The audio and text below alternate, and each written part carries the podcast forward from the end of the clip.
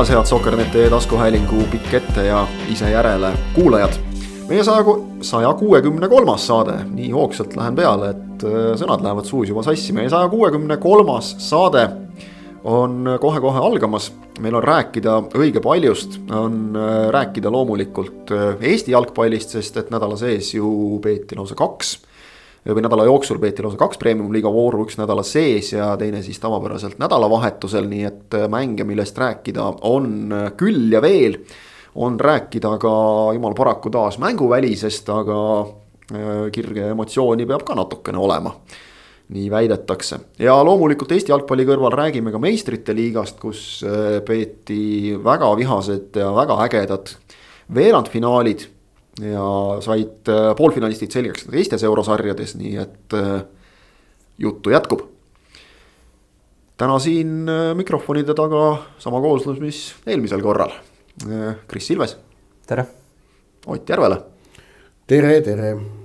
ja Kristjan Jaak Angur ka kuidagi eriti lühike intro seekord, eriti no, vaatan, vaatan sinu otsa, sinu otsa Järvela hetkel. ma eelmine kord tegin vist päris pika, kui ma õigesti mäletan. ma, ma tervitan, ma tervitan siis meie peatoimetajat, kes, kes mitmendat nädalat järjest saab meid kuulata, mitte ise rääkida.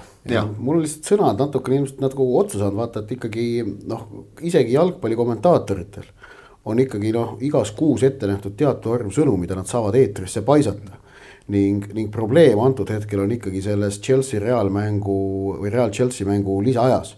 et see võttis nagu ikkagi selle noh, ütleme reservi tõmbas tühjaks ja nüüd aprilli lõpuni tuleb olla napisõnaline. rääkisid kolmkümmend minutit äh, liiga palju või? noh, ei no see sõnade hulk on seal just see. pool tundi ekstra ikkagi selles ja, mõttes jah. ja no ega ütleme sind ka normaalaeg ei hellitanud selles mängus sind ega Markus Jürgensoni, et seal, äh, seal, seal ikka oli. oli tööd, oli, oli tööd. oli, oli jah vägevaid mänge, et tegelikult nagu eelmine nädal väga rõõmustav jalgpallinädal oli, ta pakkus nagu ähm, noh, tõesti erinevates äh, kohtades väga palju erinevaid põnevaid elamusi.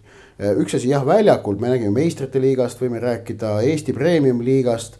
noh, miks mitte ka mingitest natuke eksootilisematest asjadest, noh, ma ei tea, Šotimaa karika poolfinaalid näiteks olid, oli, oli Edinburgh'i derbi, oli Glasgow derbi seal mõlemad sees aga, aga siis sattusin ka erinevate mingite no, enamasti jah, sotsiaalmeedia kaudu peale sellistele põnevatele jalgpallilugudele, mis tõesti tegid nagu meele meele väga heaks, et paar tükki neist postitasin jalgpallipunkrisse ka, aga näiteks noh, see Sean Dyche'i pubi Burnley's. Äh, ma, ma ei olnud kursis sellega, aga tuli välja, et ongi, et, et mingi pubi pärast seda, kui Daesh viis Burnley Euroopasse kaks tuhat kaheksateist. oli öelnud, kui Euroopasse viid, me nimetame ennast ümber, et siiamaani oli Princess Royal, nüüd on The Royal Daesh. ja siis see vaata Inglismaal on komme see, et pubi kohal, selle ukse kohal alati selline noh tahvel ripub, on ju, et noh, et kui on mingi, ma ei tea, kui on lonkav konn, siis ongi seal lonkav konn on ju, on ju, nõnda edasi. seal on Sean Dyche. ja seal on, seal on Sean Dyche'i pilt lihtsalt selline, sellises noh äh,, kuidas öelda, keskaegses rüüs Äh, et, et see on nagu noh, sellised asjad teevad nagu jalgpalli osas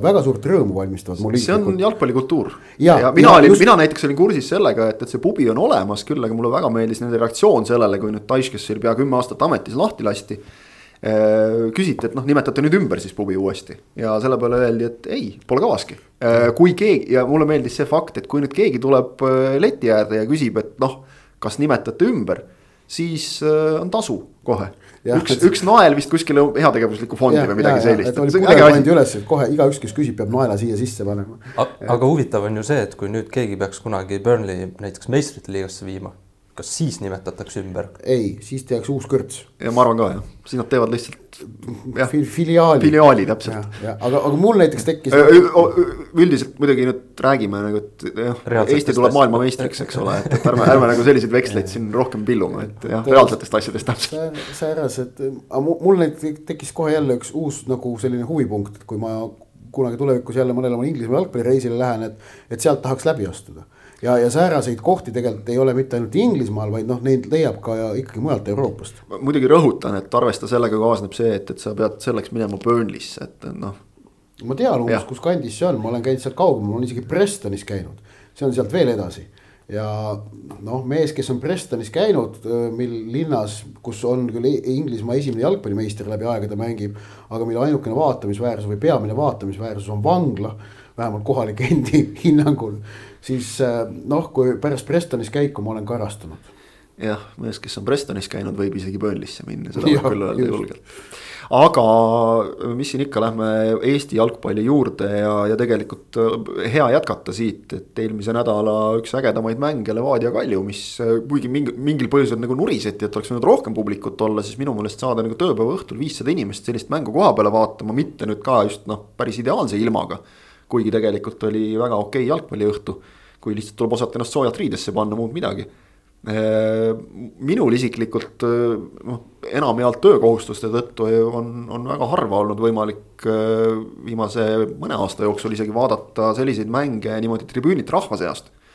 ja äge, väga, väga mõnus, mõnusa meeleoluga mäng, noh sinna muidugi andis tohutult palju juurde ka see, et, et ka, ka mäng oli hea esimene kord, kui Levadia kaotas punkte, nad küll rehabiliteerisid ennast kohe sellega, et, et Kuressaare vastu noh, Kuressaare võitles südilt, aga Levadia võttis jõuga üks-nulli ära, just sellise üks-nulli nagu nagu äh, meistermeeskonnad tihti võtavad, et äh, mitte, mitte väga särava mänguga kolm punkti kõige tähtsam, aga see Levadia Kalju üks-üks, see oli, ma julgeks öelda, mänguliselt võib-olla isegi selle hooaja seni üks, üks paremaid mänge, kui, kui mitte parim ma kvaliteedi osas ma nii kindel ei oleks. ma ei mõtle isegi tingimata nagu kvaliteeti, ma mõtlen sellist võitluslikkust ja intriigi ja kõike seda, pinge osas just. vabalt küll olla, aga selle, sa mainisid Sportlandi tribüüni, tegelikult Sportlandi tribüünil tekibki päris mõnus atmosfäär.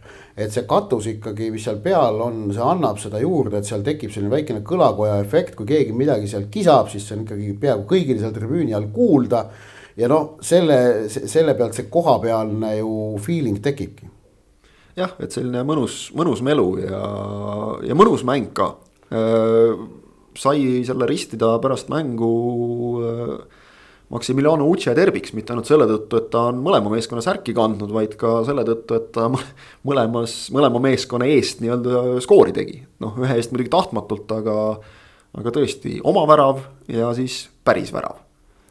jah, ja noh, see mäng no eks, eks tähendab mängupildi põhjal oli viik õiglane tulemus.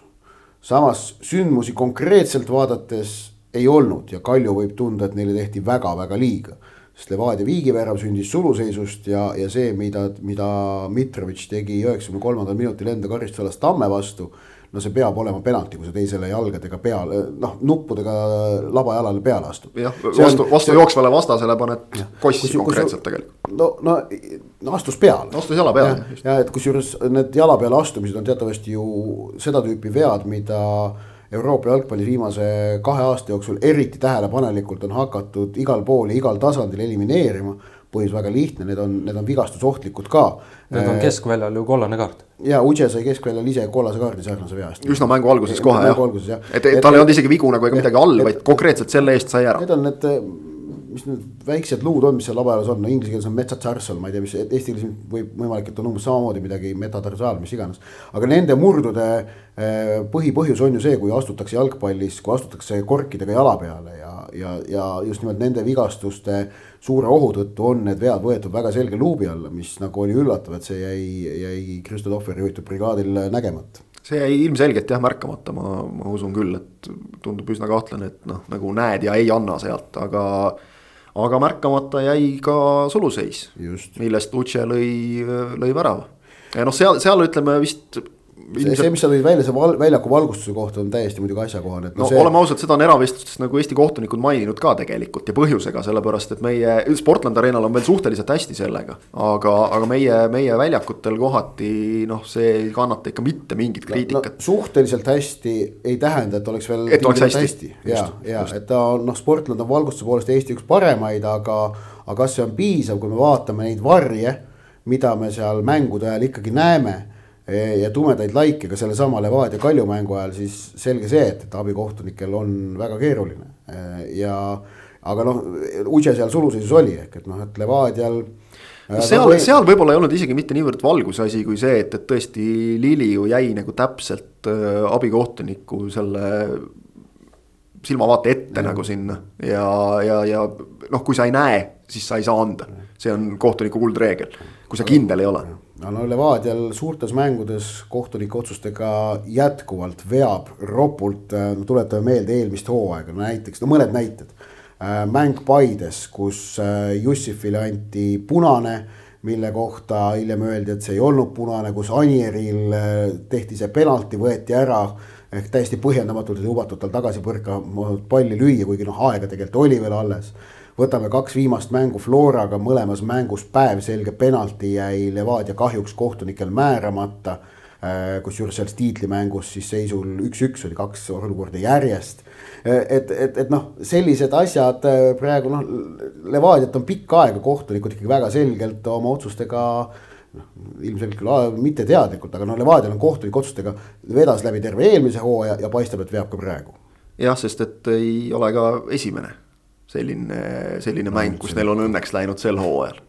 aga noh, see on tõesti, kindlasti ei ole seal mitte midagi tahtlikku, aga, aga lihtsalt on, on niipidi kuidagi läinud. asjade reaalne seis on see. jah, asjade reaalne seis. aga see on sport, tugevamatel on õnne ja kui ja, me vaatame selle no, nurga alt seda. selle nurga alt Levadia on ikka väga tugev sel hooajal jah Äh, mänguliselt veel äh, jah, just olen Otiga nõus, et võimaluste poolest äh, Levadia kindlasti väärinuks rohkem võitu sellest kohtumisest. Kalju tegi väga korraliku esimese poolaja, teisel poolajal olid neil no ikkagi noh, arvestades vastast, eks ole, valitsev Eesti meister vastas ja, ja kust Kalju, Kalju tuleb, eks ole, oma eelmise hooaja pealt ja, ja siis teisel poolel ikkagi jäid neile vasturünnakud. mängu lõpus kui tuli ka see Mitrovitši ja, ja Tamme olukord, siis isegi natuke üllatavalt suutis viimasteks minutiks Kalju nagu täitsa mingi arvestatava surve peale panna. aga tegelikult terve teise poole jooksul olid neil vasturünnaku võimalused. mõnda ei kasutatud ise kõige paremini ära, hästi ära, mõne puhul tegutses väga hästi Karl-Andre Valner. kes küll ka tegelikult on esimesel poolel olnud kohati päris, päris rabe jällegi samas tõrjus et... väga tähtsa tõrje Alex Mattias Tamme vastu tegi seal kuueteistkümnendal minutil. just, et noh, näitas klassi, aga, aga tuli tal ka vigu sisse natukene. see võib-olla näitas natukene ka selle mängu pinget lihtsalt, et kõigil oli tegelikult nii, et, et väga raske oli lihtsalt kedagi konkreetselt esile tõsta, sest et paljud mehed tegid palju asju õigesti. aga pea kõigil, kes, kui mõttes ka mängu parimat valisin, tuli ka mingi selline üsnagi nagu kummaline eksimus või, või pildilt kadumine sisse. vaatame Kalju eelmist nädala kahte mängu, mul üks Kalju koosseisu mõttes mul tuli, tekkis praegu üks idee, et, et huvitav näha, kas seda kas seda Kalju treenerid kavatsevad edaspidi katsetada. ehk et me nägime seda, et Andrei Markovitš tuli, ühes mängus oli ta põhikoosseisus äh,. Levadia vastu tuli ta Henri Järvelaiu vastu vahetusest sisse. ehk et tegelikult nüüd on seis see, et, et Kaljul on kolm äh, korralikku äärekaitsjat, Järvelaid, Elhi, Markovitš me mäletame, et Markovitši, juba Marko Kristel äh, Kalju peatreenerina mängitas ka keskvälja põhjas. ja, ja mind huvitaks see, et kas, kas keskväli, mille põhjas oleksid Šlein ja Markovitš ning mille tipus oleks Komissarov ja mitte ja, ja Subbotin jääks pingile. et kas säärane keskväli võiks olla lahendus, mida nagu Nõmme Kalju mingil hetkel kasutab, okei okay,, Komissarov või Subbotin, kumb seal tipus mängib on omaette hm?. Fortune. no Fortune on vigane, ma, ma jätan tema praegu selles mõttes nagu sellest. Fortune, Fortune liigub praegu karkudega ringi. ma jätan selles mõttes kar-, sellest võrdlusest hetkel seepärast ikka täitsa. ja ärme unustame, et uh, uus ukrainlane ka veel, kes on ka kaitsev poolik. no jah, jah. et seal on valikuid küll, aga, aga see Markovitši küsimus, see on hea küsimus selles ja, suhtes ja, et, et ja. seal. et kas Elhi või Järvelaid on mängija, keda Kaljul on uh, mõtet nagu raisata pingile jätmisega, tõsi kui, kui see, kui see nagu, kui, kui treenerid vaatavad rivistusele otsa ja leiavad, et nagu noh, on. et, et see ongi konkurentsiolukord võistkonnas ongi säärane, siis no muidugi see otsused tuleb teha ja need praegu on ka tehtud. aga lihtsalt, et, et äkki mingil hetkel tekib seal ka mõte proovida nad kolm tükki korraga väljakule ära mahutada, see tähendaks siis ilmselt jah. Markovitši liigutamist kas keskpoolikusse mingil hetkel, kui juhtumisi Kaljul on äärte peal probleeme, siis muidugi Järvelaid võib mängida ju ka ülevalpool, ma arvan jah, ja nad ju on mänginud ka kolme kaitsjaga, kui Elhi oli üks kolmest äh, mehest tagaliinis, et, et variante. see oli see mäng Floraga on ju. jah. ja, ja mäng Floraga. just, just, et nüüd siis, kui Tsivelekidis vigastusega välja langes, siis on mängitud neljase liiniga, aga et, et variante on muidugi. Äh, tasub arvestada ka seda, et, äh, et, et oli ju siin, siin Tammeka vastu ka jälle järgmine pauk, et noh, see Velekidis saadi tagasi, aga pooletunnise mängu järel pidi Mannone väljakult lahkuma. ja Kuusjev ka ja Kuussev ka ja just. Maarin on jätkuvalt vigane, mis võib. Maarin, Maarin on haige, mitte vigastatud ah,, okay. nii et äh, teda, teda on vast tagasi loota, vähemalt noh, selline info on nagu tulnud mm., et, et haigus, haigusega tegemist, mitte mitte vigastusega, aga noh, need haigused nagu praegu teame, siis võivad ka teinekord võtta päris kaua aega, et, et noh. on, on muresid, ütleme natukene, aga teisest küljest jah, nagu sa välja tõid, et, et kui kõik mehed on olemas. siis on Kalju pink jällegi päris pikk ja, ja tekibki see küsimus, et noh. Subbotinit välja jätta ka kindlasti ei ole nagu lihtne otsus algkoosseisust mingil põhjusel on ta, on ta ikkagi kogu aeg olnud seal et, et ju ta siis, ju ta siis nagu nii kehv ei saa olla. aga Äh, jah, selline ütleme Kalju jaoks äh, vastakas mäng, aga, aga nad võisid kindlasti selle punktiga rahul olla, Levadia ilmselgelt ei olnud, mitte ainult seetõttu, et nende sihid on kõrgele seatud, vaid ka ikkagi seetõttu, et noh, neil oli teisel poolel väga palju šansse. Ja mõneti neid, neid raisati standardolukordi nagu ühtepidi loodi hästi, aga lõpetamine jäi, sellest jäi puudu. aga Levadia puhul ma olen sel hooajal äh, märganud just näiteks kahes viimases mängus, et kui neil esimene poolaeg ei ole õnnestunud nii nagu, nagu nad oleksid tahtnud, oli äkki Paide mäng ka veel, sest teisel poolel nad suudavad äh, kuidagi juurde kruttida ja need käigud endale leida, et sellest raskest seisust välja tulla. nüüd saadi punkt kätte Kalju vastu siis ja nüüd Kuressaare vastu võit, et nad kuidagi pööravad, suudavad mingi muudatuse oma mänguplaanis või või, või kuidagi muud moodi teha ja. mitte ja isegi siis..., vist isegi mitte mänguplaanis nii otseselt, aga lihtsalt see, see on, see on see meistritiitlist tulenev enesekindlus, ma arvan. Et noh, teatakse ja mis mulle silma torkab, on ikkagi see, et konkurents, sisemine konkurents ka välismaalaste osas eriti just ja noh, lihtsalt seetõttu, et välismaalased moodustavad Levadiast päris arvestatava osa. see sunnib kõiki pingutama ja see on kahtlemata positiivne et, et noh, eks Kaljul on ka sama asi siin eelmistel hooaegadel on olnud nii, et noh, pole olnud tihti ju pingile nagu lubatud arvu varumehigi panna. Et noh, pole tingimata mõtet nagu duublist ka noori juurde tuua lihtsalt selleks, et nad seal istuksid, et, et kui nad juurde ei anna, aga, aga sel hooajal on, on Kaljul ka pink oluliselt nagu pikem ja, ja sügavam ja sisukam ja. ja, ja see annab, annab juurde kahtlemata mängust rääkisime, aga, aga selle kohtumise puhul ei saa üle ega ümber ka sellest, et äh, vist kõigile võrdlemisi ootamatult tulnud poole show äh, tõmbas tähelepanu, tähelepanu endale. Ehk siis äh, Argo Arbeiteri, Kalju spordidirektori avalik pöördumine Soccer.ee aadressil. teemaks ikka see Mark Eduri intervjuu, milles avaldatuga Arbeiter rahule ei jäänud, omalt poolt võin öelda, et nii palju, et Äh, selle kogu selle teema kohta, et usun, et Soccer.net.ee järgnenud omakorda vastulause ütles ära kõik, mida on vaja öelda, aga ühe asjaga mina isiklikult äh, küll leppida ei taha, ei taha leppida sellega, et kui ajakirjanik teeb kellegagi intervjuu, siis äh, intervjueeritava öeldu pannakse justkui ajakirjaniku suhu ja, ja muudetakse justkui tema väiteks. Üritasin mõelda jalgpallist analoogiat ja natukene nagu see, et äh, võitlete vastasega kõvasti väljakul, äh, vastane teeb vea ja siis lähed ja annad kohtunikule pasunasse, et noh, see nagu ei ole minu silmis küll adekvaatne, adekvaatne lahendus olukorrale no meie kolleeg äh, Eesti Päevalehes ja Delfis Märt Roosna on täna selle kohta vägagi tabavalt ja asjakohaselt kirjutanud. Ähm, mind ennast no tähendab noh, noh kogu see Kalju poolt üles tõmmatud jaur on, on lihtsalt nagu asjatundmatu ja tegelikult ka piinlik. ja noh, Nõmme Kalju, kes on ikka ja jälle kabinettides teatavasti ämbreid kolistanud, kui nüüd pehmelt rääkida, aga tegelikult lihtsalt käitunud kas sageli kas vastutustundetult, moraali lagedalt või, või noh, neid sõnu võib leida siia veel, ma hoian ennast hetkel veidikene tagasi siis, äh, siis noh, just nimelt see, kui endine mängija tuleb ja, ja räägib teie kohta noh, ebameeldivaid asju, siis äh, selles ei ole süüdi mitte kuidagi ajakirjanik, kes seda olukorda vahendab ja kuulab ära ka mõlemad osapooled, paneb need ka kirja, äh, need, need arvamused. et, et see on nagu noh, asi, millega, millega tuleb nagu, millest tuleb aru saada, kui ei saada aru, et noh, see mida te seal kuradi oma ECA koosolekutel õpite, kui sellist asjast ka aru ei saa eh,. ning, ning eriti, eriti geniaalne oli muidugi see teooria, mis äh, Kalju presidendi Kuno Tehva mingitest pöördumistest välja tuli, et äh,. et, et see on Sokerenti poolt meelega üles tõmmatud, et juhtida kõrvale tähelepanu Aivar Pohlaku äh, ja, ja noh, hetkel personaalküsimused, mis tõu-, tõusis üles siis seoses tema käitumisega Kose vallavolikogu istungil noh no ma ei tea, kas, kas see noh, noh, no ei ole need asjad niimoodi seotud, noh, et ajakirjandus tegeleb asjadega siis, kui nad äh, tõusevad esile lihtsalt. Mark Eduri intervjuud tegelikult me olime proovinud saada seda mitu kuud ja mitu kuud saada seda selle tõttu, et, et kui sul on mängija, kes on läinud Eestist välismaale, seal nagu mänginud ka täiesti, ei ole seal pingil istunud, ainult tuleb Eestisse tagasi. teeb kolmeaastase lepingu Eesti premium-liiga tabeli ülemisse poolde kuuluva klubiga ja siis äh, jääb seal täiesti pingile.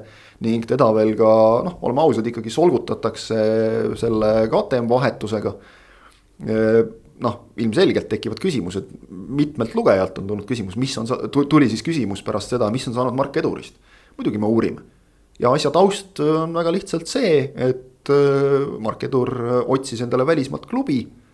ja ei soovinud rääkida enne, kui ta on selle leidnud, mis on täiesti normaalne, nii käituvad jalgpallurid kogu aeg ja, ja siis, kui leidis, siis loomulikult, kui küsid, mis juhtus Nõmme kaljus, Mark Edur räägib oma versiooni. teine osapool. äkki oli see, et, et siis on transfer ametlikult vaata igalt poolt läbi läinud no just, ja ei, ei saa ole eelmisel klubil enam võimalik seda kuidagi ja. blokeerida. mis on täiesti tavaline asi, et, et isegi siis, kui eelmise klubiga on lahku mindud nagu sõbralikult, siis ikkagi tihti mängijad tahavad rääkida siis, kui on asjad paigas, mis on täiesti normaalne ja arusaadav ja noh, kes, kes tahab näha iga asja taga mingisugust agendat, ega nüüd pole nagu mina, mina ei näe nagu mõtet nagu hakata ümber ka veenama, et, et kes tahab näha, see näeb, see on ka mitte jalgpallis, vaid teistes eluvaldkondades täpselt samamoodi, et äh, võib-olla selle ütleks nagu küll jah, omalt poolt ära, et, et vähemalt minu jaoks, äh, kui, kui nagu nähakse asju nii, et, äh, et igas olukorras, kes maksab, tellib muusika ja äh, ei julge kirjutada sellest või tollest või kirjutad sellest või tollest, sellepärast et kardad kedagi noh, minu jaoks ütleb see natuke rohkem selle kohta, millise, milliste asjadega on harjunud see arvaja ise. aga jällegi hakata siin uuesti seda juttu rääkima, et, et see tegelikult ei ole nii, noh, milleks nagu. milleks nagu hakata veenma inimesi, kes tahavad uskuda midagi muud, ei näe sügavat, sügavat mõtet ausalt öeldes. Sokkernet.ee on kolm aastat järjest Eesti spordiajakirjanduse aasta auhindadel võitnud äh, mitu auhinnalist kohta. jah noh, aga noh, võib-olla, võib-olla. ei, aga see ei muidugi, see üksinda ei tõesta ka Midagi. mitte midagi ja, ja, ja no ongi, et noh, et see, see tegelikult ei ole argument, aga noh. et, et me, me, me, me tahame, me teemegi ja me tahame teha ja me teemegi ajakirjandust ja ajakirjandus reageerib sündmustele ehm,. ning äh, kui sünd-, vastavalt sündmustele me neist ka kirjutame, nii on. jah, ja, ja samas alati võib nagu öelda, et ajakirjanik on loll lihtsalt, et noh, see on ka täiesti, täiesti võimalik variant aga see, et, et nagu teemasid menetletakse kaua aega ja, ja nad mingil hetkel siis äh, saavad nagu küpseks, et need ka valmis kirjutada, see on nagu täiesti tavaline ajakirjandusliku töö äh, noh, protsess, et, et noh. et ma... no ja, ja ma ütlen, me ei räägiks sellest üldse, kui ei tuleks täpselt selliseid asju, et noh, nüüd kindlasti ilmub kohe varsti mingisugune lugu, kus üritatakse jälle Nõmme kaljule või ükskõik kellele vett peale tõmmata, no ega muud ei olegi öelda, saab nagu noh, silma ei saa vaadata kuulajatele kahjuks praegu meil ei ole eh, kaameraid veel. veel podcast'i stuudios, aga saab panna nagu käe südamele ja öelda, et eh, noh. räägime nii nagu on, räägime ja. nii nagu tegelikult on, ega nagu hakata jälle veenma ja seletama ja ma ei tea, mõne arvates nagu õigustama midagi, noh, ei näe põhjust. aga, aga jah, et hakata sealt nagu kõigest, kõigest mingit agendat nägema, noh, ma ütlekski, et võtke nüüd rahulikult natuke. Mind häiris selle kõige juures äh, enim see, et äh, Marti Kallast süüdistati alusetult. tema tegi oma ja. tööd ja ta ja ta tegi, tegi oma hästi. tööd hästi. ta tegi seda hästi, seda noh, see poolt. ainsad, kes tegelikult nagu kindlasti valetasid selles olukorras, on Nõmme Kalju esindajad. Kes ütlesid, et Martti Kallas süüdistas neid äh, kõiges selles, mida nad ütlesid. Martti Kallas ei ole mitte midagi säärast teinud ja mitte mingi, midagi säärast ka kirjutanud. vaid äh, need süüdistused Nõmme Kalju suhtes või etteheited esitas nende endine mängija Mark Edur, mis on tema voli teha jah, ja, ja kui on teisele osapoolele nagu pead andma, ehk siis antud juhul Nõmme Kaljule ka võimaluse omapoolseks vastulauseks, siis on, siis on kõik korras, no üldiselt ma võtaks kogu selle teema kokku, kokku nii nagu jäi silma, võeti, võeti see poole aja või vaheaja intervjuu kokku ERR-i spordiportaalis, et äh, Kalju spordidirektor solvus jalgpalluriga vestelnud ajakirjaniku peale. Nii palju sellest, äh, tõesti veel siiralt käsi südamel saan öelda, et tahaks selle asja selja taha jätta ja, ja minna hooaja jooksul edasi rahulikult nagu nii, et kõikide osapooltega saab normaalselt suheldud ja, ja keskendume jalgpallile, palun.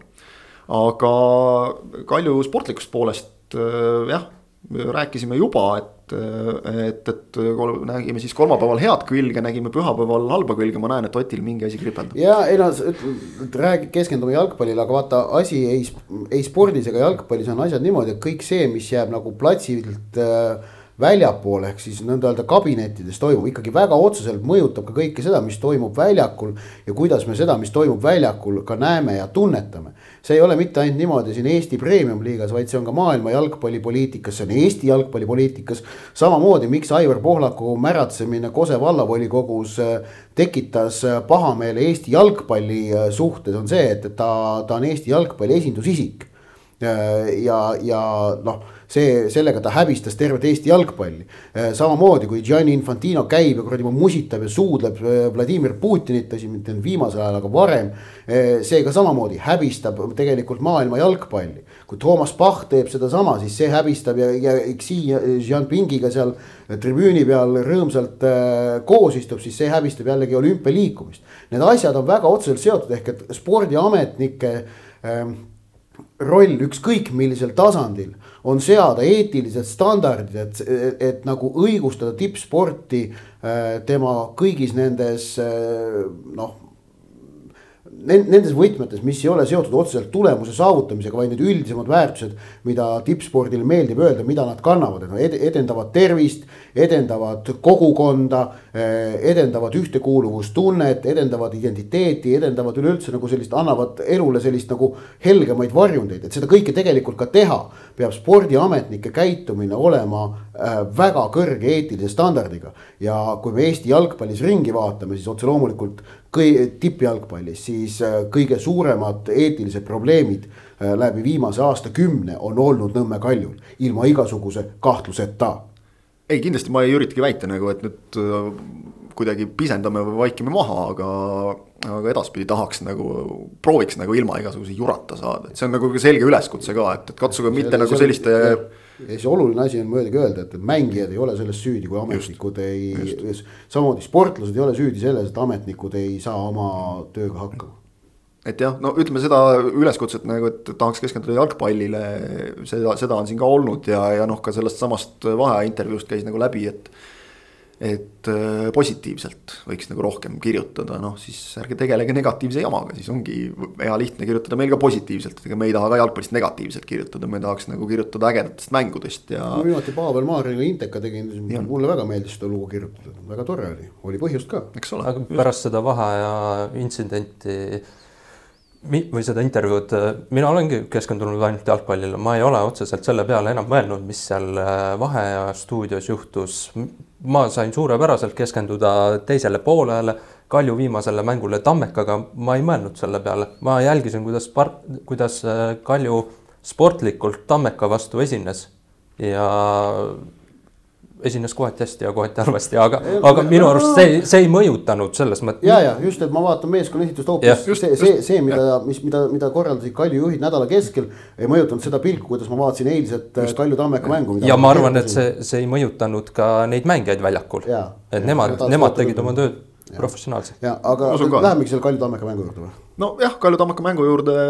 Tammeka Kalju. Tammeka Kalju siis jah, päris täpne olla, noh, sa selles mõttes ju nagu oma luubis sõnastasid ära, et mätas jäi jalgu põhimõtteliselt no., aga, aga no, no, kiidame, kiidame siin ka selles mõttes ärme nagu sellele keskendume, et, et Kalju koperdas, vaid kiidame, kiidame Tammekat ka, sest et noh, püsida mängus ja lõpuni välja ja võidelda sealt punkt, punkt kätte endale väga oluline kindlasti selles Portugali derbis siis.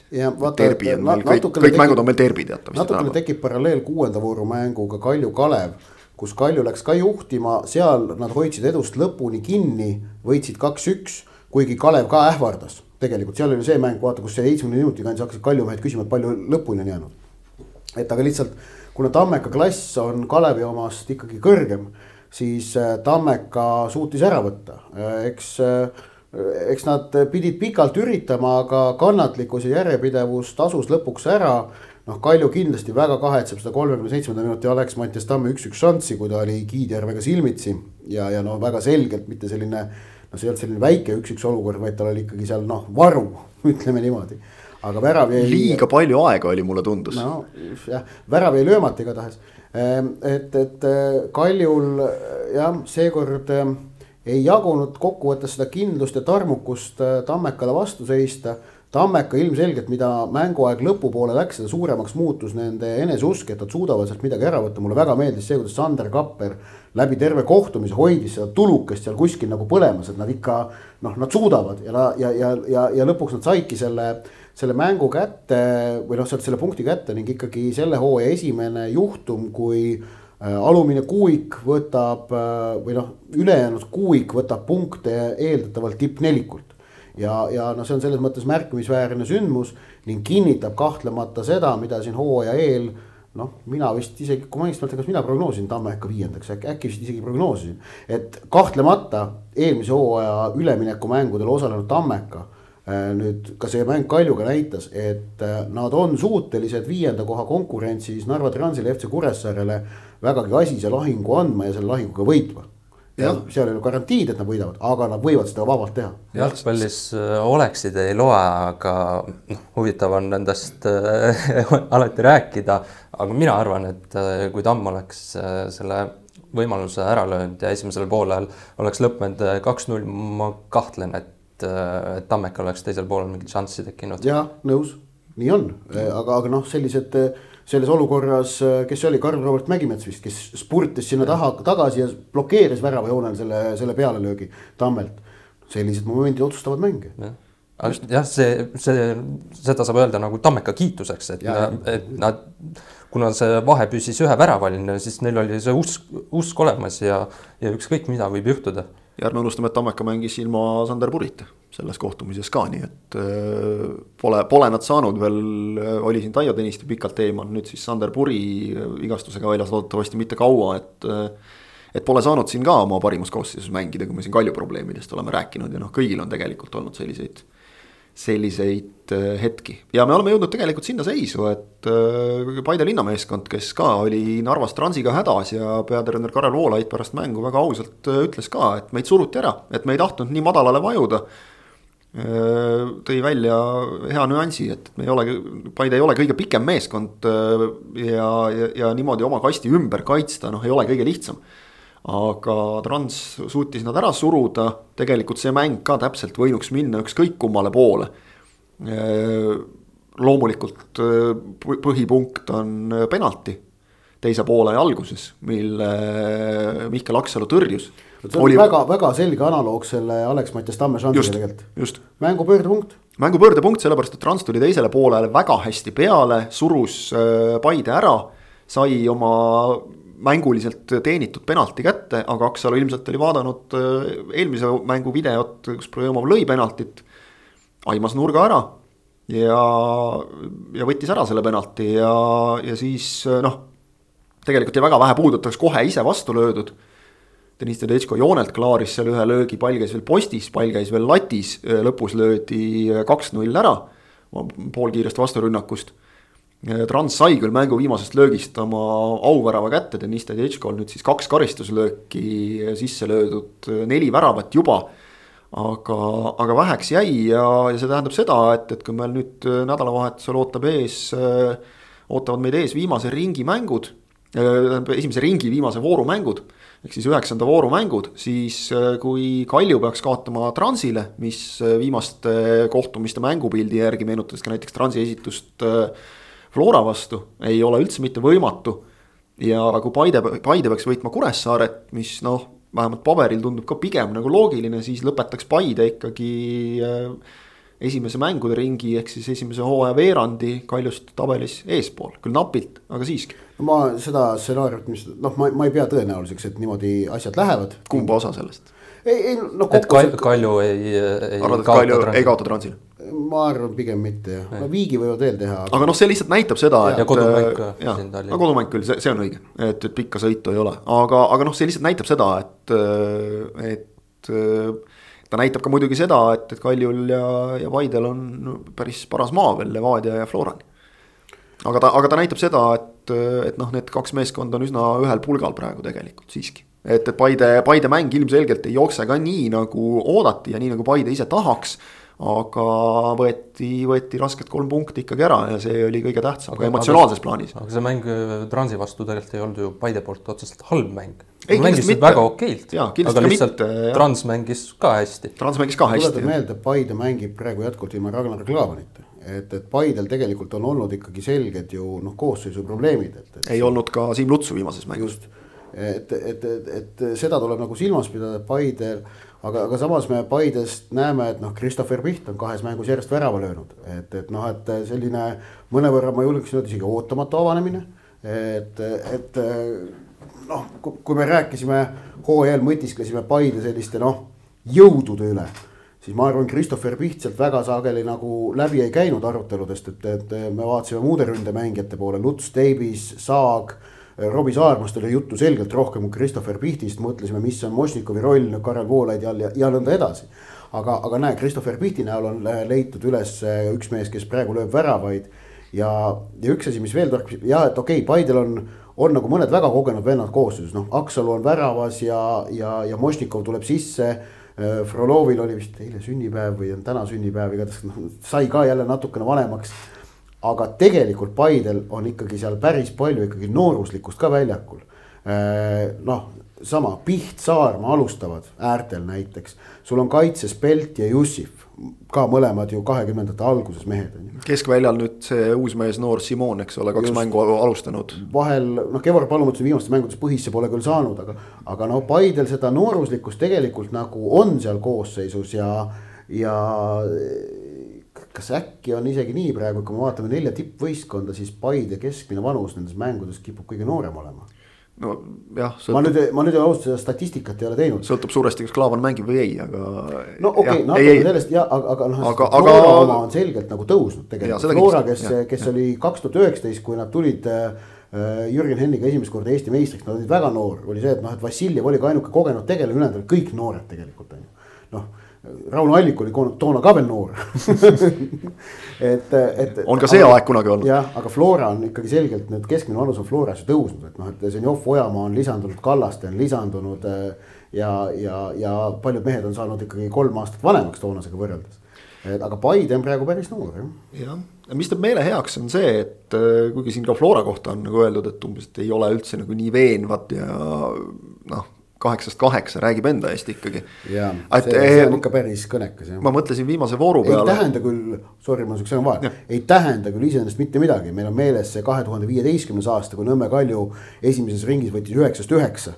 Äh, Sergei Terehov oli peatreener, Joel Lindberg otsustas mänge, aga, aga siis äh, teine ring läks äh, totaalselt tuksi jälle. ei loomulikult. ja tähendab... Paide ju tegelikult, kas oli eelmine hooaeg, kui Paide alustas ka hästi esimese ringi tegi väga ja, hea. no, no sa nüpeldasid Levadiat neli-null ja, ja, ja seal oli jah, aga, aga siis tegelikult teises ringis tuli selge tagasi. aga võib-olla see jutt, et miks äh, öeldakse, et äh, Flora ei ole võib-olla veenev äh,, on see ka, et eelmistel hooaegadel võib-olla need võidud on kindlamaks tulnud et selles mõttes, äh, tulemuse mõttes. latt on ise nii kõrgele aetud lihtsalt, et kaks-null vaprusega. see Pärnus kaks-null, et see oli natukene ikkagi anomaalia ka, et nad seal kaks tükki lõid, et noh, et kui, kui Zenjov lõi vist neli korda raamide ra,, raamide pihta veel et siis, siis noh, lihtsalt oli selline päev, et, et. ise küsis ka, et, et kas on Eesti rekord või, või kuidas on sellega aga, aga mõtlesin just nagu selle peale, et, et jääme nagu vaatame niipidi, et no näed, et äh, Levadia oli Kuressaarega hädas, võitis ainult üks-null, Levadia on kehv.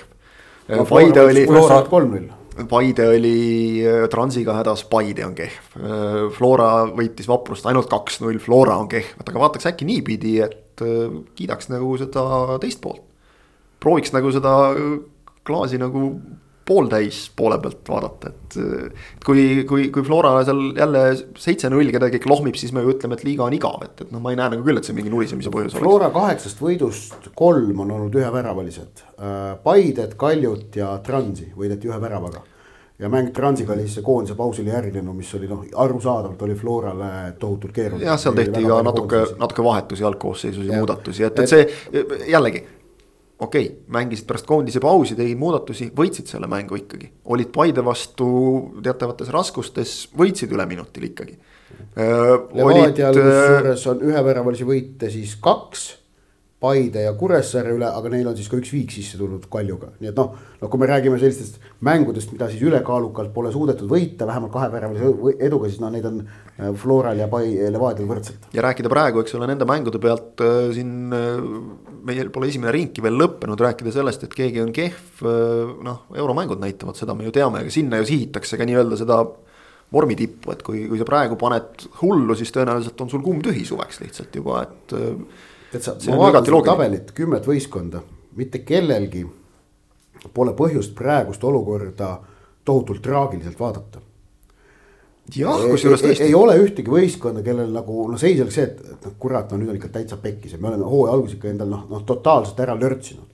Floral kaheksast mängust kaheksa võitu, okei okay., Levadial on olnud üks punkti kaotus, ei ole mingeid probleeme Kaljul ikkagi kaheksa mänguga seitseteist punkti, neil on kuus võitu, üks viik, üks kaotus. suurtega hästi mängitud. vabandust, äh, viis võitu, kaks viiki, üks kaotus. suurtega mängitud hästi, eks ja, ole. Äh, noh, ikkagi selgelt paremini kui mullu.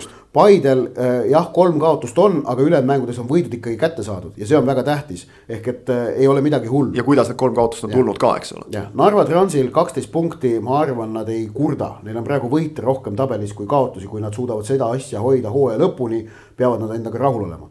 Tartu Tammeka võrreldes mullusega selge edasiminek, mingit küsimust ei ole, mängu kvaliteet, kusjuures ilma seda, et võis, ilma võistkonda tohutult muutmata, okei okay,, Gerdo Juhkam, Tanel Lang on küll, on küll juurde tulnud. aga me teame, samamoodi on ka mehi ära langenud, ehk et noh, ma, ma nagu ei noh on toimunud kvaliteedihüpe ilma selge koosseisu muudatuseta. FC Kuressaare punkte vähem, kui nad tahaksid aga samas noh, potentsiaal vaatab tegelikult ikkagi vastu, oleme ausad. ja noh, neil on tilastustega tohutud probleemid olnud. Ähm, mõne noh, noh mõne jah, ma, ma julgen öelda, et Kuressaare ikkagi ei ole närvis, nad on närvis selle pealt, et neil on punkte vähe, aga, aga neil nagu see usk enda võimetesse võib jätkuvalt olemas olla. Pärnu vaprus, noh, neil on võib-olla äkki isegi kõige keerulisem, et ikkagi ainult üks võit ja seitse kaotust. see ei ole hea saldo ähm,, aga, aga jällegi noh mingeid positiivseid märke leiab. Dmitri Kalašnikovs on, on, on noh, kuidas öelda, ta, ta nagu ta, tema, tema igatahes jätkuvalt usub. Mingi Stalin... kandev, mingi kandev idee on nagu ka ikkagi olemas. ja ma mõtleks jah, et, et, et see ei ole nagu mingi selline ideetu sebimine, mida me seal platsil näeme, et seal nagu toimib nagu noh, organiseeritud ja mõtestatud tegutsemine. Tallinna Kalev sai esimese punkti kätte, Joel Lindberg ütles mulle märtsi lõpus juba, et neil on vaja muru ära oodata, teine ring. siis nad saavad ennast käima, täiesti arusaadav, kui kolm nädalat enne hooaja algust said teada, kõrgliigasse tulevad. ja Tallinna Leegion ikkagi on suutnud selle noh uppuva laeva paralleeli ei taha praegu väga tuua, aga, aga on suutnud ikkagi ennast stabiliseerida et noh, võite pole nad küll saanud, aga kolm viiki on, on kaheksast mängust teenitud. ja see on jällegi märk sellest, et noh, et pole midagi nagu kadunud.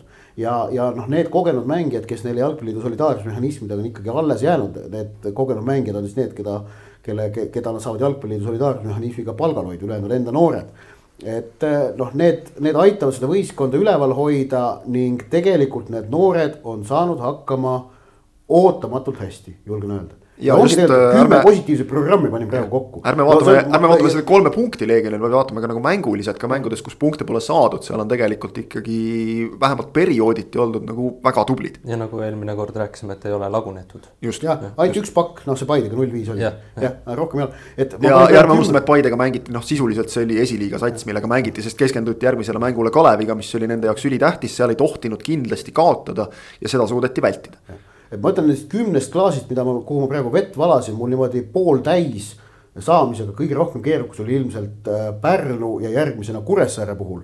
aga mõlema puhul ikkagi ütleme, suudan mina oma peas kokku panna selle stsenaariumi, kus see klaas on pooltäis, mitte pooltühi. ei midagi hullu kummagi jaoks. just, positiivne, tore ju see on ju hea, midagi, vaat positiivseid uudiseid jalgpallist aga Eesti jalgpallist ma arvan tänaseks äh, aitab ka äh,. siin on tähtsaid mänge tulemas esimese ringi lõpetuseks ja, ja siis tõesti meeldetuletus, et see on alles esimene ring, see on veerand hooajast. kõik staadionil sõbrad. ja, Sportland Arenale, paneme täis, vaatame Flora Levadia mäng sel hooajal juba kolmandat korda, aga nüüd ilmselt kõige parema ilmaga senistest. Äh, pühapäev seitseteist, viisteist, no enam väga palju paremat aega ka ei saa minu meelest. ja et võiks nagu päris, päris äge tulla. just. äge oli ka meistrite liiga, ei saa üle ega, ega ümber sellest tõdemusest ja ei tahagi saada, sellepärast et täpselt seda me ju meistrite liigalt äh, ootame ka. teisipäeval äh, Real Chelsea, ma julgen öelda, et Äh, läheb ikkagi meistrite liiga klassikasse. no läheb. no läheb. Läheb muidugi, et, et seal oli väga palju põhjuseid, miks ta läheb, aga aga noh, noh, see, see Chelsea tagasitulek ja Toomas Tuhheli taktikaline meistriklass, millega ta meeskonna üks-kolm kaotuses seda duelli neli-kolm juhtima viis, see oli erakordne.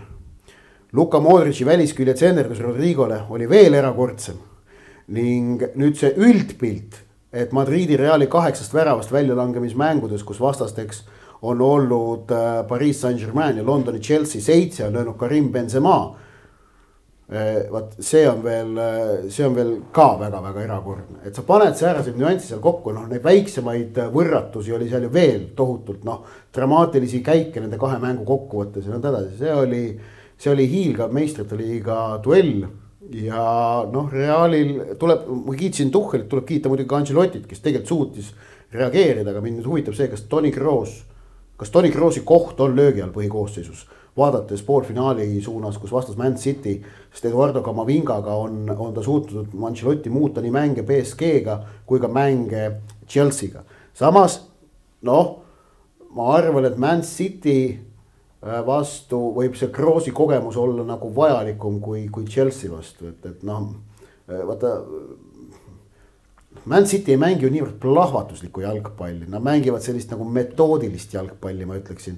ja seal võib seda Kroosi kogemust keskväljal rohkem vaja. ma ei ole väljaspool meistrite liigat äh, Reali mänge eriti vaadanud, aga võib-olla just Kamavingale sobib see roll, kui ta tulebki teisel poolajal vahetusest. see, see on kindlasti ka üks asi, et, et. et ta võib-olla ei ole selline algkoosseisu tüüp praegu. no ta on üheksateist vist veel. just, noor, noor poiss jah, see võib vabalt olla ja see on täiesti nagu taktika, mida maailma jalgpallis on läbi aegade kasutatud, et, et. et noh, et mingi kindel relv jäetakse vahetuses, sest et ta toimib vahetusest tulles, eh, vahetusest tulles paremini. mulle tuleb siinkohal meelde kahe tuhande viienda aasta Eesti-Läti mm valikmäng A Le Coq Arena'l, kus Kristjan Viikmäe alustas, väsitas Läti kaitsjad ära ja siis toodi sisse Tarmo Neemelo. ja oi, kuidas karu müras nende Läti kaitsjatega, need olid temaga püsti hädas ja, ja ajas nad niimoodi lühisesse, et lõpuks Maksim Smirnov saigi palli tühja väravasse joosta. mulle meenus kohe Rauno Alliku, kes on siin viimastel aastatel kogu aeg vahetusest tulnud ja mängu teinud ah, no,. aga ta tõet-, tõ, on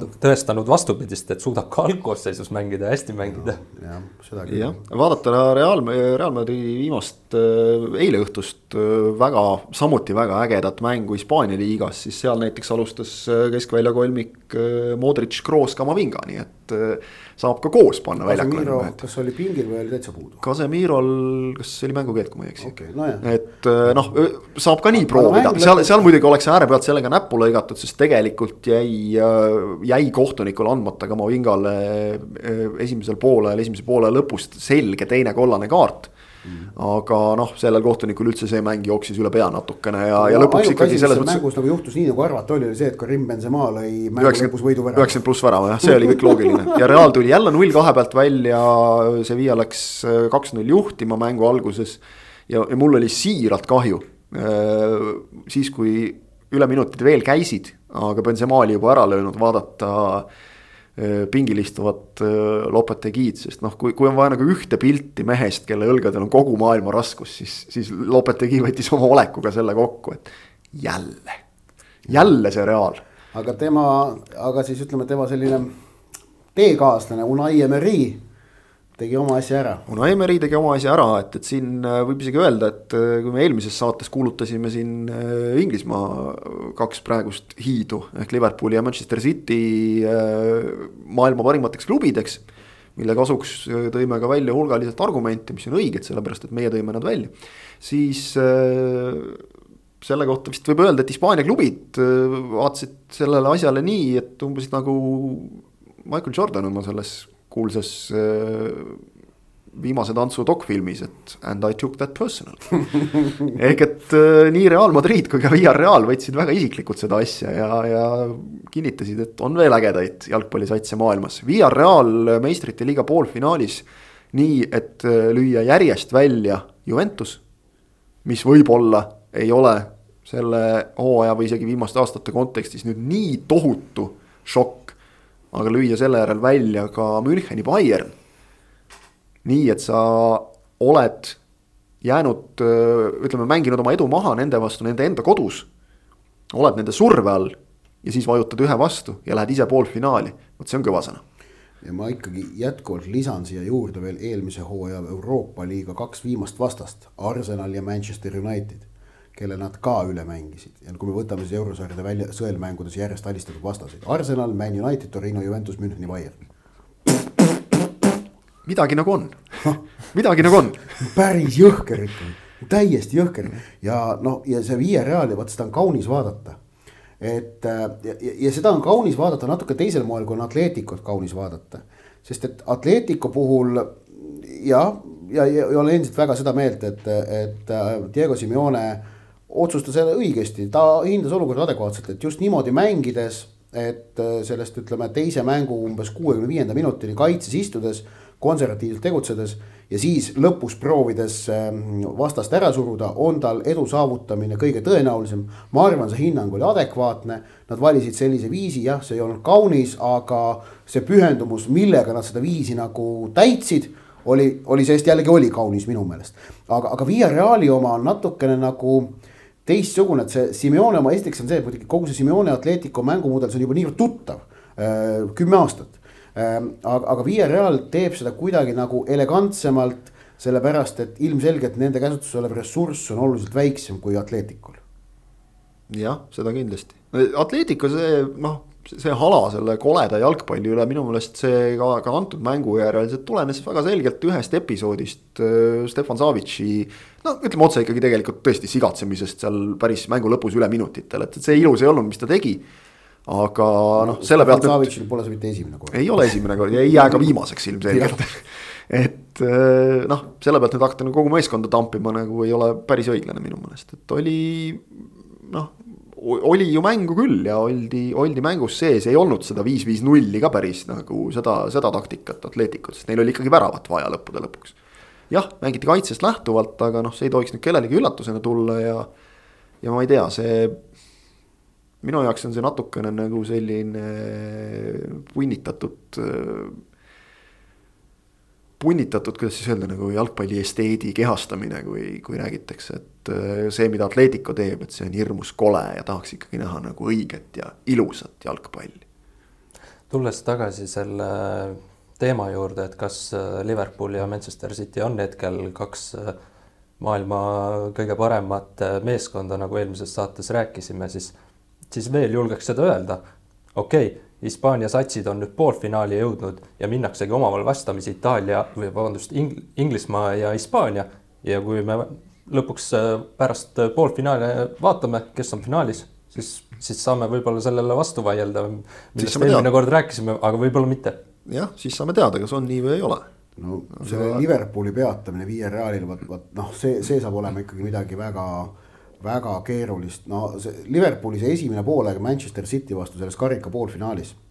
jah, City oli vahetanud koosseisu palju äh, ja, ja no kui Liverpool mängis põhisatsiga, siis City tegelikult mitte. aga ikkagi selle esimese poolaja, ma olen seda tagantjärele mõelnud, nagu tundus, et City mängis halvasti seda esimest poolaega. mida rohkem ma sellele esimesele poolele tagasi mõtlen seda enam olen ma veendunud, et, et, et, et, ega see City tegelikult nii halvasti ei mänginud, aga Liverpooli äh, see täiuslikkus oli niivõrd, niivõrd hea, et nad lihtsalt võtsid Citylt kogu selle nagu jõu ja ürituse ja, ja tahte ära ja, ja võtsid selle mängu nagu noh, Man City vastu tõesti niimoodi enda kätte. ja see oli väga muljetavaldav. jah, Liverpool ongi väga muljetavaldav sats praegu. on, on. ja, ja just see, kuidas, ja, ja see, kuidas nad suudavad ikkagi juba mitmendat hooaega hoida seda keskendumise taset nii kõrgel see on ikka märkimisväärne, et neil ei ole sellist võimalust nagu tõesti City puhul noh, vaatad nagu ühtepidi seda algkoosseisu, vaatad, et see ei ole ju põhikoosseis, siis vaatad, et ega ta nagu kehv koosseis ka ei ole. palju see algkoosseisu väärtus oli, kolmsada kaheksakümmend miljonit, midagi sellist vist Cityl. et äh, noh, mis iganes meeskonna vastu muidu liigas ja isegi Euroopas mängides tegelikult see on, on pea kõigi vastu selge soosik, võib-olla üksikute eranditega see, see koosseis, kes oli väljakul, ehk see oli väga kõva koosseis ja, ja sellist, sellist asja ei ole Liverpoolil vastu panna, et tegelikult kui mõtled nagu. noh, ikkagi jah, mitte et nüüd Liverpoolil ja Kloppil oleks nagu vähe ressursse olnud kasutada, aga. Nad on ikkagi, ikkagi selles mõttes täitsa teisest kaalukategooriast. ma arvan, et Liverpooli nelikvõit ehk et see, et nad lisaks juba võidetud liigakarikale võidavad nüüd veel ka Inglise karika meistrite liiga ja Inglismaa meistritiitli päris tõenäoline. see on ootamatult tõenäoline. see on, see on hetkel ikkagi ootamatult tõenäoline ja just nimelt selle sisemise põlemise tõttu, mida praegu Liverpooli meeskonnas on näha. Luis Diase toomine talvel, ma ei, ei jätka, väsi rõhutamas, kuivõrd tähtis see on, sest see on andnud võimaluse edurivis oluliselt rohkem roteerida. ennem oli sul see, et äh, et üks mees oli pingil, kolm mängisid, aga nüüd on sul see, et sul on kaks pingil. ja see noh, protsentuaalselt sul on kakskümmend protsenti rohkem võimalik, ei kakskümmend viis protsenti rohkem võimalik ju roteerida. ennem oli noh ne, ne, neljale tuli üks juurde. E, see tihendab konkurentsi, see suurendab pakilisust, iga mängija kasutab oma iga minutit palju äh,, palju nagu intensiivsemalt ära ning äh,, ning, ning ning, ning ka puhkust tuleb sealt juurde, et sa, saavad ka, saavad ka hinge tõmmata. ehk et kõik see on, on, on äh, asjaolud, miks ma arvan, et jah, see Liverpooli nelikvõit, noh, ta on pigem muidugi ebatõenäoline kui tõenäoline. et jah, no Inglismaa karika võitjaks tulevad nad rohkem kui viiekümne protsendilise tõenäosusega, ma arvan, et on Chelsea vastu soosikud meistrite liiga võitjaks tulevad nad vähem kui viiekümne protsendilise tõenäosusega, sellepärast et on variant, et nad ka poolfinaali kaotavad. Ja noh, hetkel lihtsalt neli võistkonda konkurentsi, Liverpooli šansid viiskümmend protsenti ei ole. Liverpooli šansid on kõige paremad hetkel, aga need ei ole viiskümmend protsenti, need on väiksemad. ja Inglismaa meistritiitli šansid on neil ikkagi ka hetkel alla viiekümne, sest nad on City'st punktiga taga, puhtalt sel põhjusel aga, ja, aga kui ma. ja mängija on võrdsed. aga kui ma mõtlen nagu mängupildi peale, siis ma tõstaks selle protsendi juba üle viiekümne no.. aga, aga ma olen sinuga nõus, et jah, kui sa oled tabelis tagapool, siis sa oled tabelis tagapool. jah, et, et. Cityl on kõik enda kätes. seda küll, just, just see on väga oluline sellistel hetkedel ja City on, ütleme noh, nad on ka mänginud viimastel hooaegadel nii palju neid suuri mänge, kõik need mängijad, et, et nad, see, see neile mingisugust nagu mingit pinget neil ei ole, või selles mõttes nagu noh, liigset survet või midagi sellist et nüüd peaks sealt mingit äraväristamist ootama, ma hakkasin mõtlema, millal on Liverpool. see, see kevad, see on muidugi võrratu, mida nad praegu saavad läbi elada pluss tuletan meelde, kui nad meistriks tulevad, nad lähevad Unitediga võrdsele pulgale ju noh, et, et see, see oleks, mis oleks noh, emotsionaalselt niivõrd, niivõrd tähtis. see on see igikestev pidu, mis ikkagi praegu Just. nagu käib, eks ole, et, et Klopp, Klopp on ju noh, sisuliselt kõik asjad, kui nüüd Inglismaa karikas ka võidetakse. siis on Klopp toonud kõik asjad ära. tiitli tõi, meistrite liiga ka võideti juba. ja noh, siis veel nipet-näpet peal nagu veel meistrite liiga finaalis mängimine ja mitu aastat tiitlikonkurentsis olemine ja sellised asjad, eks ole et äh, kõva sõna kahtlemata, ma hakkasin veel seda ka mõtlema, et noh, detailidesse ei ole mõtet praegu minna, aga, aga lihtsalt, et millal. millal Liverpool nagu tõeliselt alt läks mõne palkamisega näiteks. noh, Diase näide on suurepärane, tuuakse ka poole hooaja pealt, Diogo Jotad, äh, kõik, kõik vennad, kes on sinna juurde toodud juba sellesse toimivasse äh, tiitleid ja suuri karikaid võitvasse koosseisu. tegelikult on ju, on ju oma rolli välja mänginud isegi ütleme näiteks selline mees nagu Diago, kes alguses tundus, et ei sulandu ja nüüd sel kevadel paneb täiesti hullu. kontrollib mänge noh, tema klassis ei olnud kunagi kahtlust, aga see, et kas ta sinna võistkonda sulandub, vahel lihtsalt juhtub, et ei klapi. aga Klopp paneb, mängija, kes paneb klappima. kes, kes äkki Liverpoolis ikkagi ei leidnudki oma kohta, oli Xherdan Shakiri. jah, võib-olla tõesti, võib-olla tõesti, et noh, kindlasti neid on, aga ikkagi see no, õnnestunud, õnnestunud äh, palkamiste protsent on ikka märkimisväärne ja just see, et sa tood mehi juurde juba toimivasse koosseisu. paned väikseid selliseid pisikesi pusletükke juurde, et minna veel paremaks, see on omaette oskus. vot nii ja. aga, kui finaalist veel äh, eeldada, võimalikust finaalist rääkida, siis mina isiklikult ei, ei tahaks enam Liverpooli City finaali. enam, enam ei tahaks nagu, et nad omavahel veel sel hooajal mängiksid nagu aitaks. ja, ja alati... lisaks see, et äh, sama riigi meeskondasid ei tahaks. see on, see konks on alati. seda ma ütlen alati ja, et eelistan alati finaali, kus on vastamisi erinevate riikide võistkonnad. samas kui juba antakse, kui, kui, kui on nagu vaja valida praeguses olukorras mingi finaal, kus sama riigi võistkonnad on vastamisi, siis City Liverpool on parim võimalik neist. pigem, pigem küll jah ja.. ei, ei mitte Real Via Real oleks teistpidi võluv aga ütleme, kui sa annad nagu kõikidest maailma jalgpalliriikidest praegu valida, et arvestades sul tuleb väga tähtis mäng ja sama riigi satsid peavad mängima väga tähtsa tiitli peale. et noh, siis tegelikult hetkel, hetkel just praegu on, on City, Liverpool ilmselt kõige see kõige kõigem. Äh, ta on ka eespool hetkel kui El Clasico noh, selle, selle intriigi mõttes. ja praegu kindlasti. ja see Benze-, mida Benzema on nüüd siin äh, väljalangemises teinud, ta lihtsalt vääriks seda finaali. ja sellega nõus. seda küll, aga noh, meenutame. tal on vaja see Man City vastu välja mängida. jah, lihtne aga meenutame just äh, seda ka, et kui Real on mänginud viimaseid meistrite liiga finaale et samast et... riigist pärit äh, nii-öelda outsideri vastu, siis noh, ei, ei lõppenud see, ei lõppenud see hästi Valenciale, ei lõppenud see hästi Atleticule kummalgi korral ja noh, natukene on nagu karta, et. et, et. Neil on see halb komme võita. Neil on see halb komme võita jah, et see võib nagu asja ära rikkuda veidike, nad ei ole ise selles küll absoluutselt süüdi, aga noh, ära, ära tüütab natukene ja Euroopa konverentsiliigas ja Euroopa liigas on siis ka äh, selgunud äh, poolfinalistid. Äh, Euroopa liigas, mis ka justkui nagu oleks noh, pidanud nagu aitama nüüd koos konverentsiliigaga rohkem sinna neid väiksemaid riike, mida loodeti. on tegelikult Euroopa liigas siis Inglismaa ehk West Ham, Saksamaa, Frankfurdi Eintracht ja, ja Leipzig ja, ja Šotimaa Glasgow Rangersiga esindatud ning konverentsiliigas äh, Inglismaalt Leicester, Prantsusmaalt Marseille, Itaaliast äh, AS Rooma ja Hollandist Feyenoord, et ühelt poolt nagu ei läinud pilt väga palju laiemaks, aga teisest küljest ega ju nuriseda ka ei saa, et, et. et nagu nüüd oodata, et sealt tulevad, ma ei tea, Albaania klubid kohe kolinal poolfinaali, see oleks ka võib-olla vähe liiastunud. ei tulegi jah, et, et noh, Tšehhi klubil jäi natukene puudu, Bode Klimt AS Rooma vastu avamängu võitis, aga teise kaotas null neli. Noh, oli veerandfinaalis, veerandfinaalis minu arust see riikide arv oli vist kolmteist, kui ma õigesti mäletan. mis kolme sarja peale kokku oli esindatud äh, veerandfinaalides, et see praegu meil seitse ei ole paha tegelikult üldse, meil on kaksteist klubi seitsmest erinevast riigist jõudnud kolmes eurosarjas äh, poolfinaali, et need viis tippliigat seal sees on, see on ju täiesti loomulik. Et, et Glasgow Rangers Šotimaalt ning Rotterdami Feyenoord Hollandist pakuvad sellist äh, nüüd lisavärvi, on jällegi ainult, äh, ma arvan, see on ikkagi hea ning, ning tähtis on vaadata muidugi ka neid klubisid, kes nendest ähm, tippriikidest on seal madalamates eurosarjades tippu jõudnud, et noh Frankfurti Eintracht, West Ham United on satsid, kes pole eurosarjades noh, mitte kunagi peaaegu mitte midagi väga asjalikku, vähemalt väga ammu mitte midagi väga asjalikku korda saatnud. Samamoodi noh, Leicester City jah jõudis korra veerandfinaali meistrite liigas, kui nad eh, kaks tuhat seitseteist kevadel seal olid. aga, aga praegu see, et nad on, nad on kahe mängu kaugusel klubi ajal esimesest eurosarja võidust, kahe, kahe vastase alistamisest. ja, ja ühtlasi ka järgmise hooaegse Euroopa liigasse pääsemist, mis neid kahtlemata motiveerib Eh, nende poolfinaali vastane on eh, AS Rooma ehk et me näeme noh duelli Leicester City versus Jose Murillo. see on super, see on super duell ning, ning siis on Rotterdami Feyenoord mängib Olympique'i Marseille'ga. Marseille Olympique, tuletame meelde, on endine Euroopa meisterklubi. Eh, nad olid üks aasta küll jah vist Euroopa liiga finaalis, aga, aga seal, seal kaotasid, aga noh, tegelikult need, need kõik on nagu klubid, kes kelle, kelle, kelle nagu selle staatusega see eurosarja tippmises mängus käib, mängimine käib nagu igati kaasas, et mul on nagu väga, ma, ma jälgin huviga neid mänge, mis tulevad.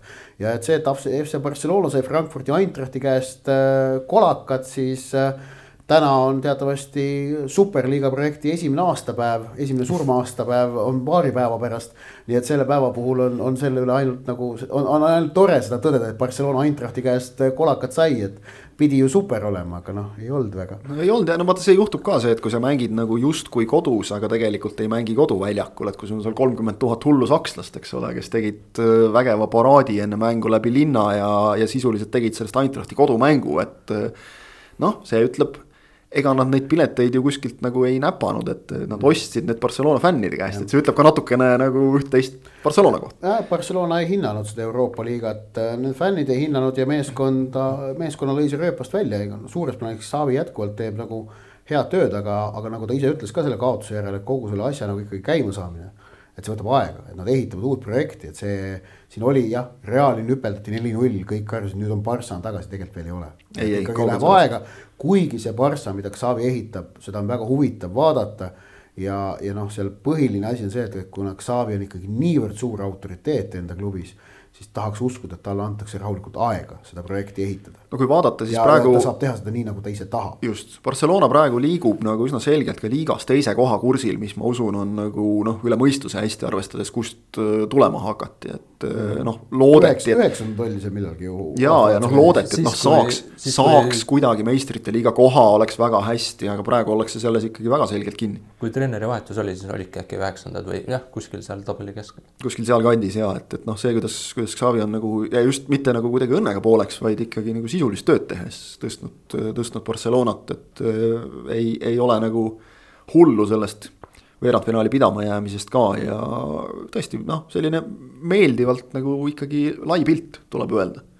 selle kõige kohta ja, ja, ja konverentsiliiga ma arvan küll, et on õigustanud ennast, et äh, on, on andnud ikkagi paljudele klubidele selle euro, euroväljundi juurde ja, ja võitjale noh, eeldusel, et nad ei ole seda taganud, mis kehtib päris mitme poolfinalisti kohta, et nad ei ole nagu kindlasti taganud veel kohta Euroopa liigas järgmiseks hooajaks, siis, siis see on ka selline korralik, korralik präänik, nii nagu on olnud meistrite liiga koht Euroopa liiga võitjal. aga üldse need, kes näiteks veerandfinaali või seal äh, äh, alagrupist edasi said äh, konverentsi liigas, ma arvan, et ne, nendele klubidele, väikestele klubidele just see alagrupist edasi saamine oli juba väga kõva asi ja mõnel võib-olla isegi alagrupi turniirile jõudmine, aga kui sealt veel edasi minna, ma arvan, et see on juba väga kõva, ma arvan, et Bordeaux Klimt ei, ei ole väga kurb, et nad poolfinaali ei jõudnud. No,. see jääb neile meelde ikka, see on saavutus,